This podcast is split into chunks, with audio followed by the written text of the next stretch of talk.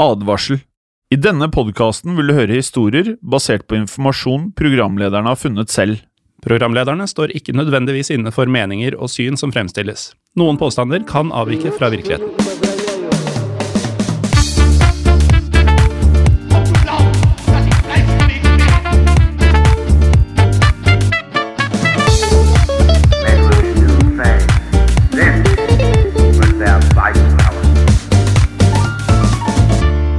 Velkommen til eh, historiepodden andre verdenskrig. Mitt navn er eh, som alltid Morten Galaasen.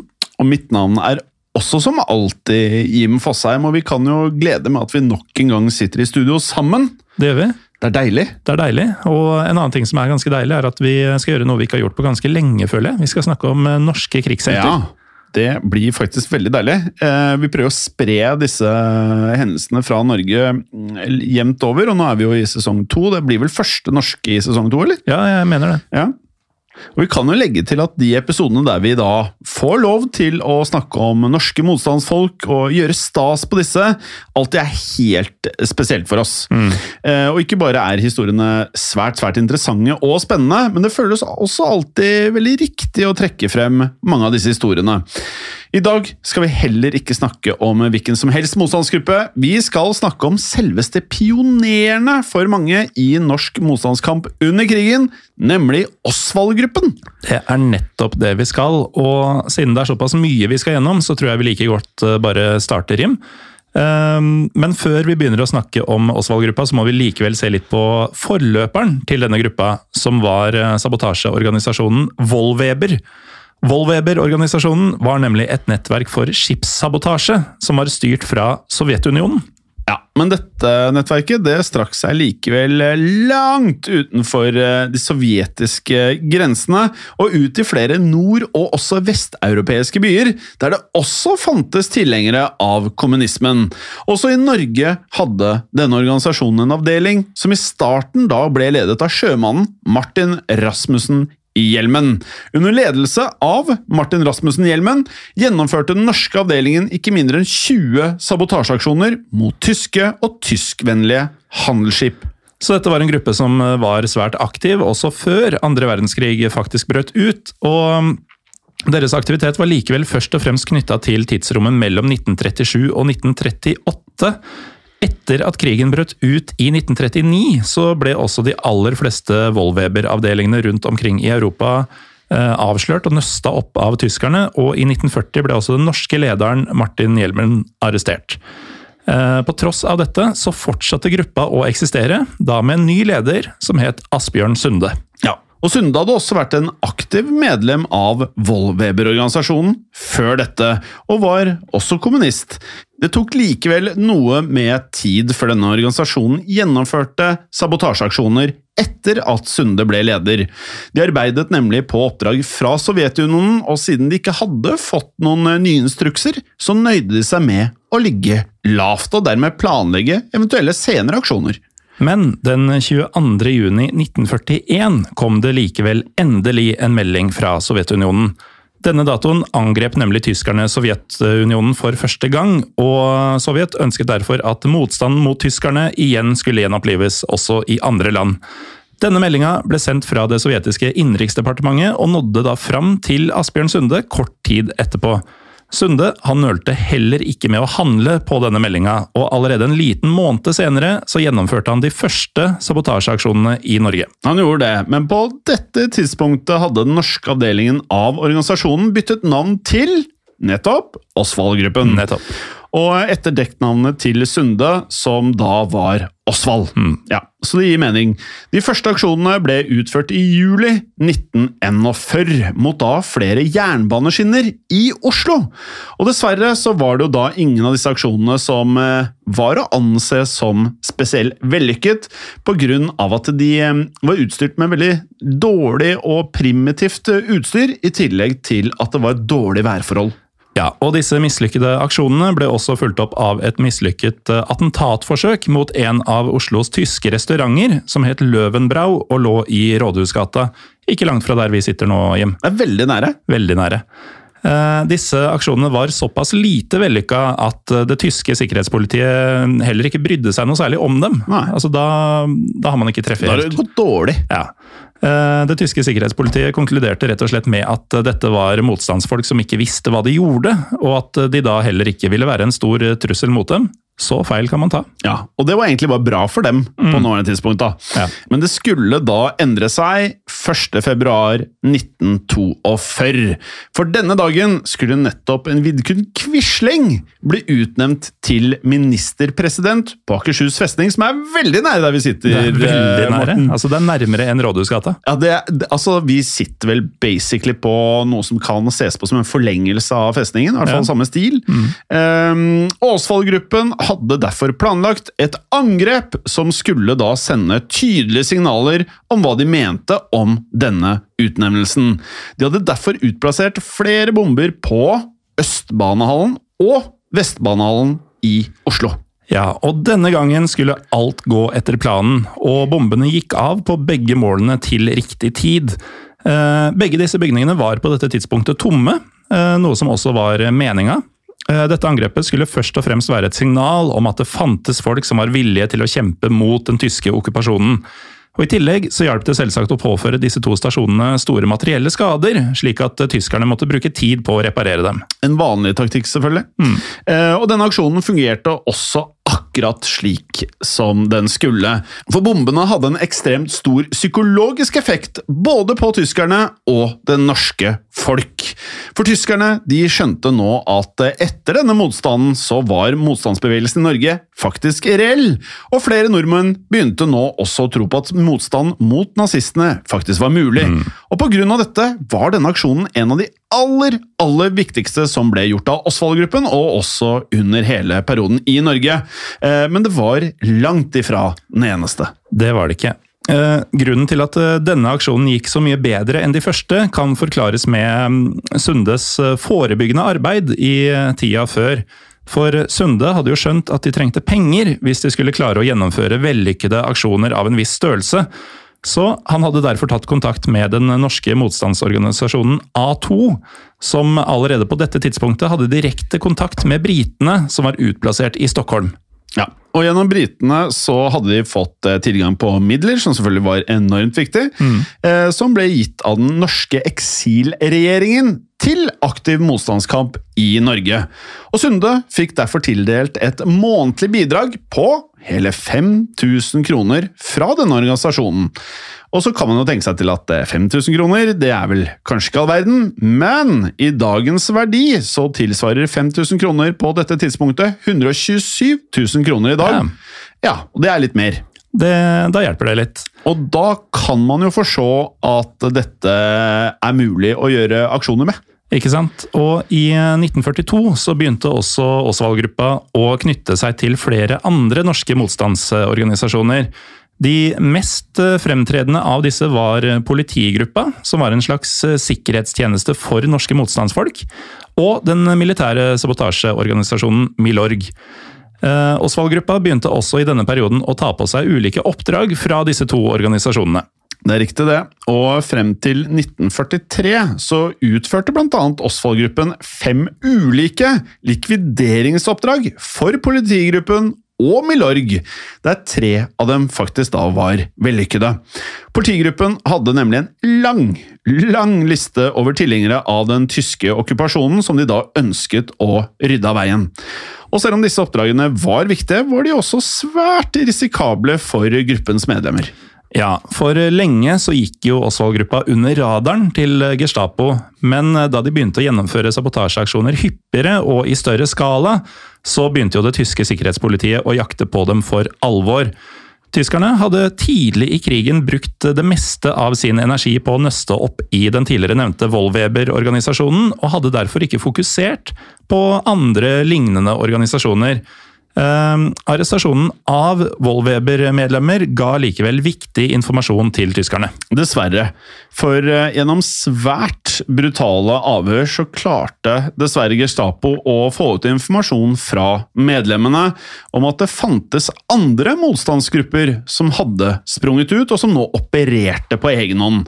Og en av dem som da ble tvunget til å gi slike opplysninger, var den tidligere lederen av den norske Vollweber-avdelingen, Martin Hjelmen. Informasjonen Gestapo da fikk fra Hjelmen og flere andre medlemmer også, førte deretter til arrestasjonen av flere medlemmer av Osvald-gruppen. På tross av dette så var informasjonen eh, såpass lite detaljert at eh, Gestapo fremdeles ikke hadde noe å gå på i jakta på den mannen som de på dette tidspunktet kun kjente som Osvald Pettersen, som da altså, som vi vet, var Asbjørn Sunde. De var heller ikke nærmere å klare å oppsøke de resterende medlemmene av Osvald-gruppa på dette tidspunktet. Og med det, Morten, så kunne også Osvald-gruppen fortsette med aksjonene sine, også etter arrestasjonen av noen av medlemmene deres. Men kort tid etter den 21. august 1942 klarte de også å gjennomføre en annen av sine aller viktigste og største sabotasjeaksjoner.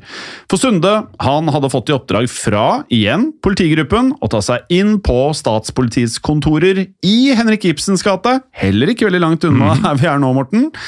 Og her skulle det sprenges for alle de etterforskningspapirene som eh, var på denne lokasjonen. De skulle opp i lufta. Det skulle de, og Sunde han tok på seg dette oppdraget uten å nøle, og natt til den 21. august så snek han seg, sammen da med fire andre sabotører, inn på disse kontorene og plasserte ut flere sprengladninger. Tidlig neste morgen så gikk disse ladningene av, og kontorene raste sammen. Så i tillegg til at eh, etterforskningspapirene ble ødelagt, så drepte også eksplosjonen statspolitibetjent Ivar Tofteberg, som lenge hadde stått på politigruppas likvideringsliste. Han hadde det. Og Sunde og de andre de klarte altså å gjennomføre to forskjellige oppdrag på én og samme aksjon. Og Politigruppen og Milorg de var selvfølgelig veldig fornøyde med dette, her, men eh, denne begeistringen den ble ikke delt av alle i motstandskampen. For den sivile hjemmefronten, som da ikke drev med noen form for voldelig aksjon, de reagerte kraftig på at noen da hadde gjennomført det de anså for å være et attentat, faktisk, mot Tofteberg. Ja, og det skal sies da at eh, den sivile hjemmefronten ikke visste hvem som sto bak denne aksjonen, og de hadde heller ingen kunnskap om eh, Osvald-gruppa for øvrig. De frykta rett og slett at denne aksjonen skulle inspirere andre motstandsfolk til å gjøre lignende sabotasjer, og bestemte seg derfor for å sende en melding til London og be dem om å sende ut en beskjed om at de tok fullstendig avstand fra dette angrepet. Men eh, Osvald-gruppa hadde jo langt større problemer enn det, Jim. Langt større, for samtidig som dette angrepet ble utført, så hadde Gestapo fått et gjennombrudd, dessverre, da, i etterforskningen mot nettopp Osvald-gruppen.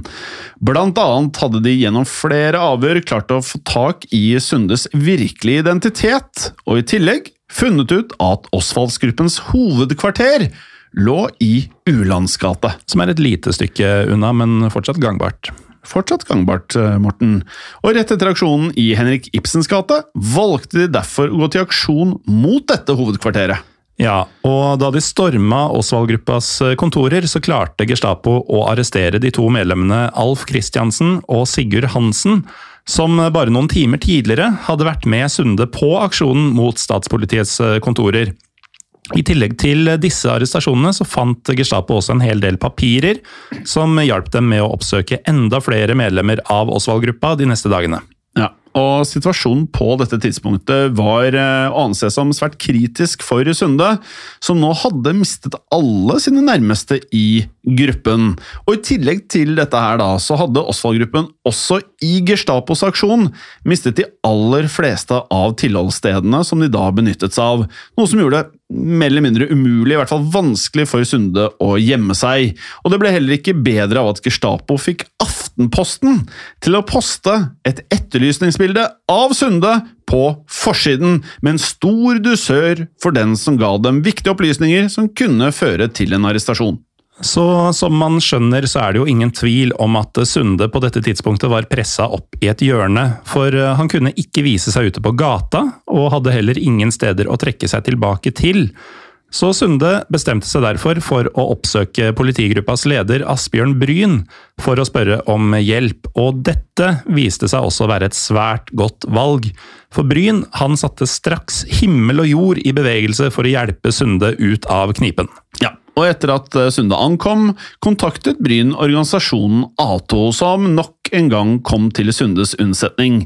Ato ga blant annet Sunde nye klær, rasjoneringskort, penger og også falske identitetspapirer. Det var likevel et eh, problem, og det var jo at Gestapo sammen med resten av Oslo visste nå hvordan Sunde så ut. Også dette hadde A2 en løsning på. For ved hjelp av en lege fra hjemmefronten fikk de nemlig sprøytet inn parafin i ansiktet på Sunde, slik at utseendet til Sunde, det som vi kan forstå, forandret seg voldsomt. Ja, det må det jo nesten ha gjort. Altså, jeg forbinder parafin med å holde hjem varme. Ja. Eh, aldri Det er veldig antennelig. Ja, eh, Lettantennelig. Det er jo det. Så hvordan det gikk med Sunde og resten av Osvald-gruppa, det skal vi snakke mer om etter en liten pause. Velkommen tilbake til historiepodden andre verdenskrig og denne episoden om den norske motstandsgruppa Osvald-gruppa. Før pausen så snakka vi om hvordan Osvald-gruppa ble danna, og fortalte også om en del av deres vellykkede og mindre vellykkede aksjoner mot den tyske okkupasjonen. Ja, og Rett før pausen hørte vi også at Osvald Pettersen, aka Asbjørn Sunde, var nær ved å bli tatt av Gestapo. og Hele nettverket hans ble da nøstet opp, og tyskerne sendte ut etterlysningsplakater av ham over hele byen. Heldigvis for Sunde hadde han da gode allierte i andre motstandsgrupper, og ved hjelp av politigruppen og A2 så klarte han å endre på utseendet sitt, i tillegg til at han da fikk penger og falske identitetspapirer. Ja, og som vi sa før pausen, altså måten han endra utseendet på, var å sprøyte parafin i ansiktet. Ehm, Jeg klarer liksom ikke helt å få grep på hvordan dette fungerte og hva som skjedde, men han klarte da på den måten å endre utseendet sitt såpass at han ikke lenger ligna på seg selv. Eh, Men til tross for det så var det likevel for risikabelt å la Sunde bli igjen i Oslo etter dette.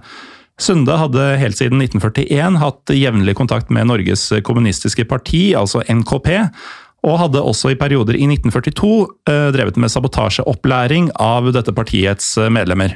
Altså, der er en ganske hard eh, type. Det må jo ha vært et vilt press han levde under her. da. Du er på forsiden av Aftenposten, Gestapo etter deg, alle de du har stolt på er nå ferska, og du har fått parafin inn i ansiktet ditt. Ja, det er jo en rimelig desperat handling, må være. Eh, Føles, med mindre det var vanlig da på den tiden. Ikke at jeg kan skjønne det, men eh, i denne perioden så hadde han også ledet eh, flere vellykkede sabotasjeaksjoner også på Vestlandet, i regi av partiet, annet mot industrianlegg i Ålvik, Odda og også Tyssedal.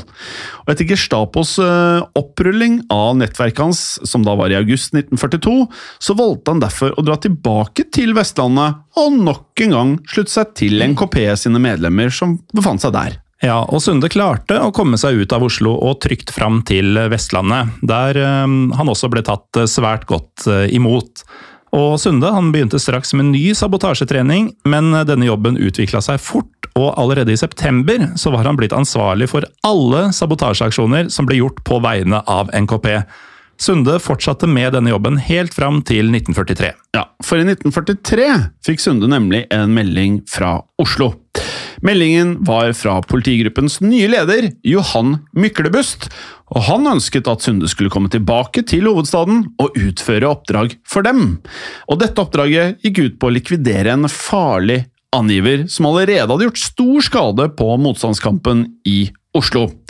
Sunde han eh, somlet ikke etter at han da mottok denne meldingen, og reiste straks tilbake til Oslo. Det er en harding. altså Det er med en gang. Ja. Der det er action, der skal jeg være. Selvsagt skal jeg dit, og allerede i slutten av måneden så klarte Sunde å gjennomføre dette oppdraget uten noen komplikasjoner.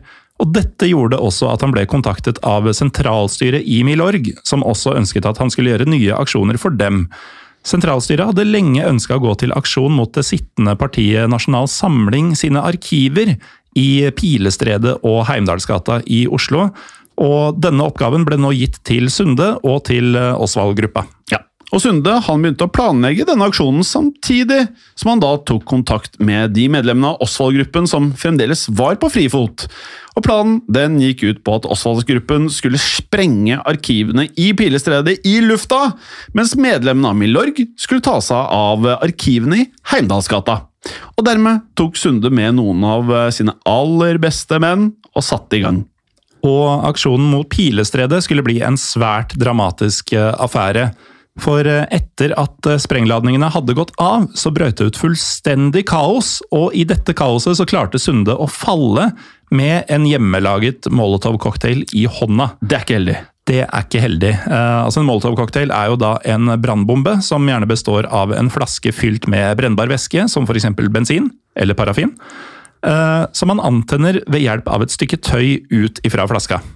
Når jeg så Molotov-cocktails på film eh, som yngre, så trodde jeg alltid at det var at de bare dytta noe papir nedi en vodkaflaske og tente på, ja. men eh, jeg har skjønt at man fylte flasken med noe enda hissigere. Ja. Og når denne flasken da gikk i bakken, så ja, det var jo hele intensjonen. Da skulle den jo eksplodere, og det, det gjorde den. Eh, og Sunde fikk da dessverre alvorlige brannskader av dette her. Men han skulle klare seg, og på mirakuløst vis så kom han seg fra Pilestredet før tyskerne rakk å få tak i han. Og vi har jo vært litt inne på hvor hard han fyren virker. Her har han altså falt på det som egentlig er en liten bombe, og fått brannskader og blitt sprengt, Ja. og stikker likevel av for egen maskin. Han ble sprengt. Eh, Så Sunde han gikk dermed i dekning og klarte å holde seg unna Gestapos agenter. Eh, Like bra gikk det dessverre ikke med de to andre av Sundes eh, aller nærmeste, som også hadde vært med på aksjonen. Nei, for bare noen dager etter denne aksjonen så ble nemlig de to Osvald-medlemmene Johan Peter Brun og Håkon Sunde, som da var Asbjørn Sundes bror, eh, tatt til fange av Gestapo og senere henrettet for forræderi. Eh, aksjonen førte også til at Gestapo nesten klarte å nøste opp flere av bakmennene i Milorg, men lederne for organisasjonen klarte å komme seg vekk med et nødskrik. Ja, og Sunde hadde som sagt også klart å komme seg i dekning etter aksjonen. Eh, Han var likevel svært svak, selvfølgelig, pga. de eh, skadene han hadde da fått på kroppen, eh, og trengte derfor hjelp umiddelbart om han skulle ha noen sjanse for å overleve. Og Denne hjelpen kom også heldigvis da fra Milorgs sentralstyre.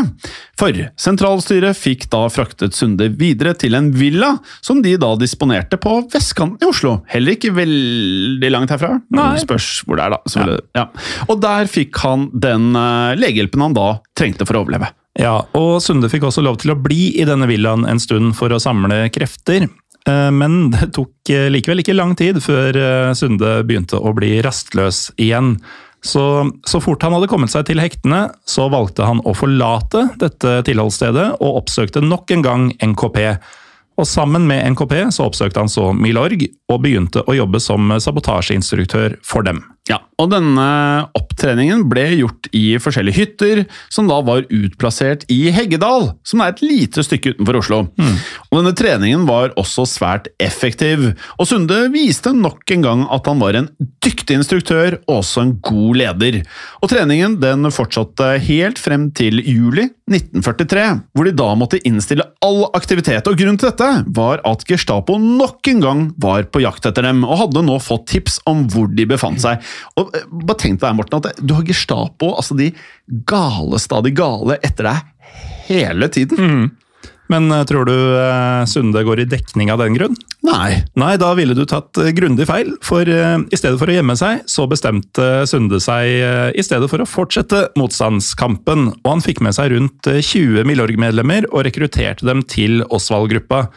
I løpet av sommeren så fikk Sunde også med seg flere medlemmer, annet da fra sine venner i NKP. Dermed kunne de i august 1943 endelig begynne med sabotasjeaksjoner igjen. Ja. De første aksjonene som de da gjennomførte, var mot ulike jernbanestrekninger rundt omkring i eh, Norge.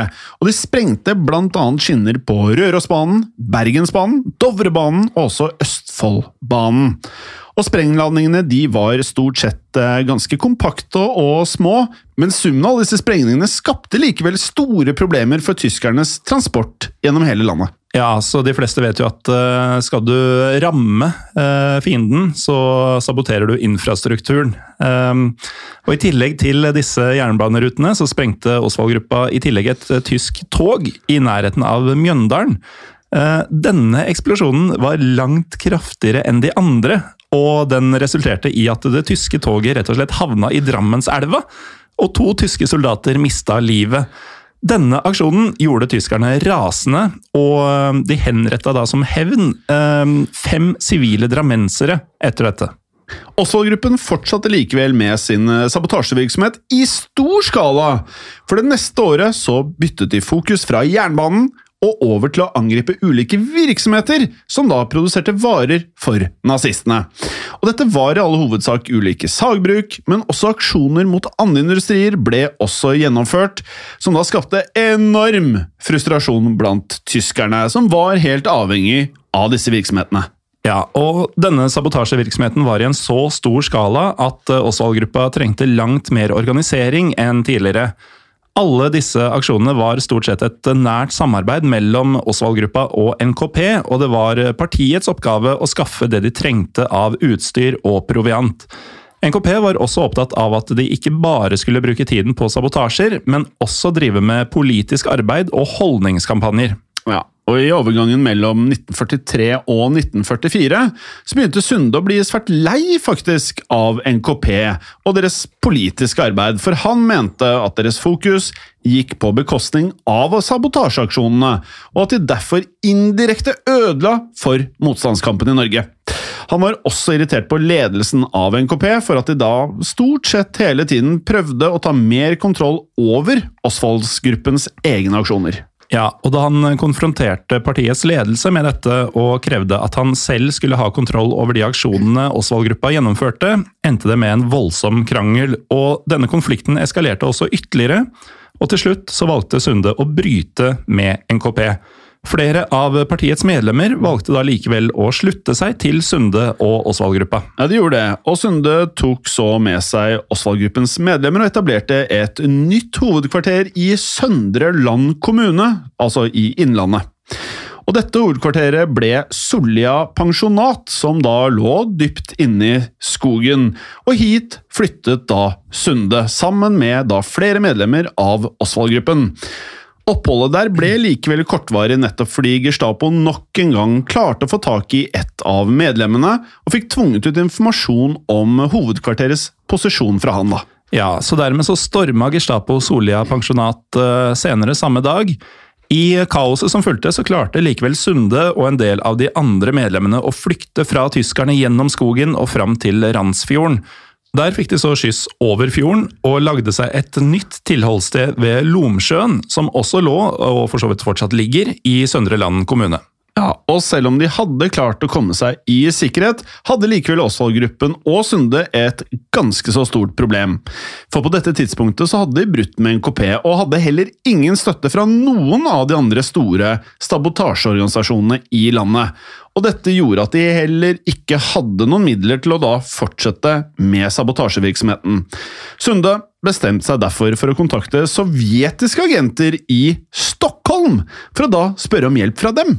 Ja, så Sunde sendte dermed et av Osvald-gruppas medlemmer til Stockholm, men ble svært skuffa da dette medlemmet kom tilbake og fortalte at sovjeterne hadde bedt dem om å innstille all sin virksomhet. De hadde også bedt Sunde om å sende alle sine sabotører til Sverige med det samme.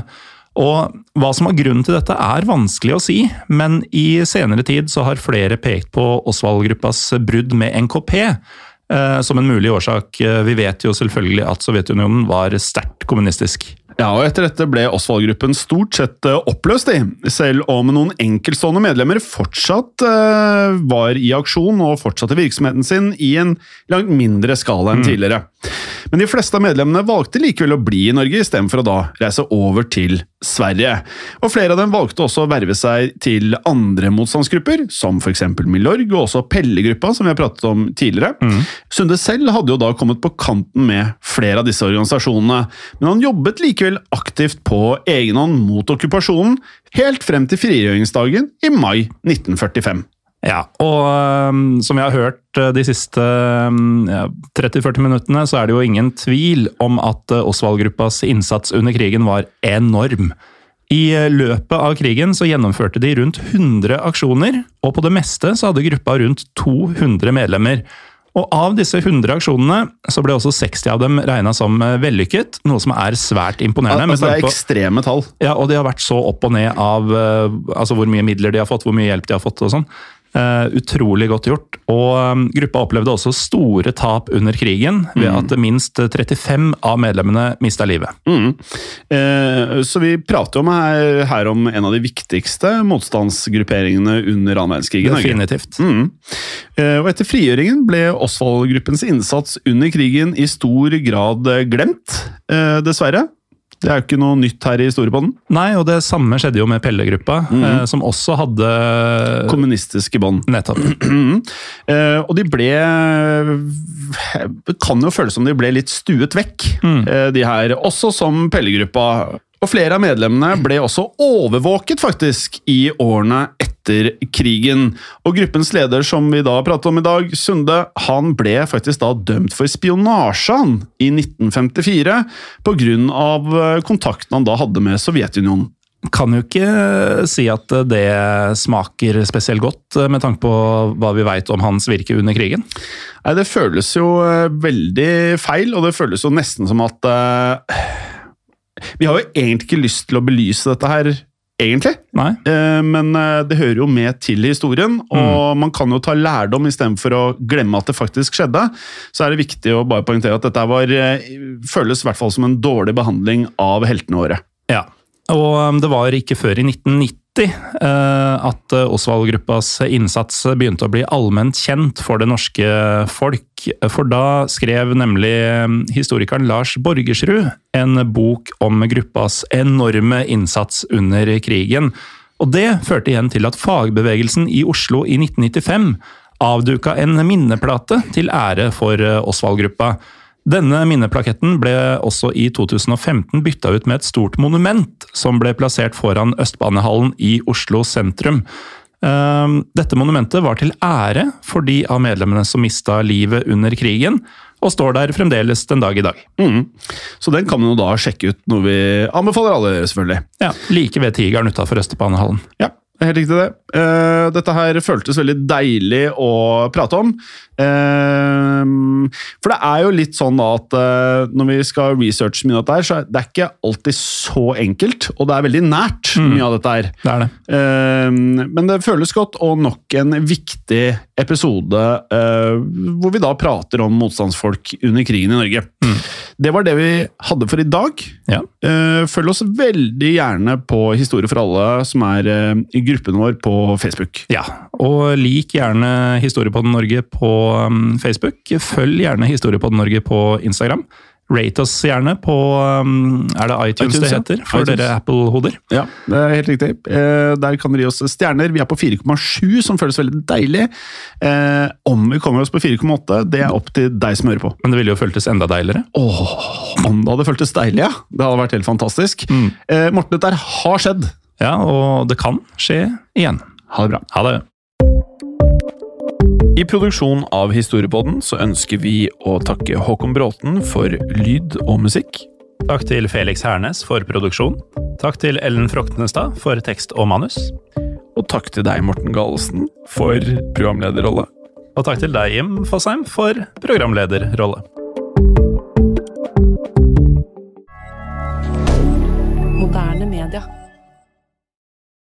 Kiwi er billigst i VGs matbørs og har vært billigst i fire av de fem siste VGs matbørser.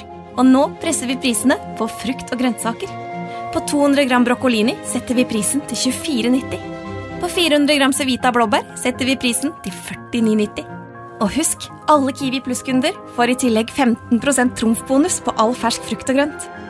For det er vi som er prispresserne. Og vi i Kiwi gir oss aldri på pris.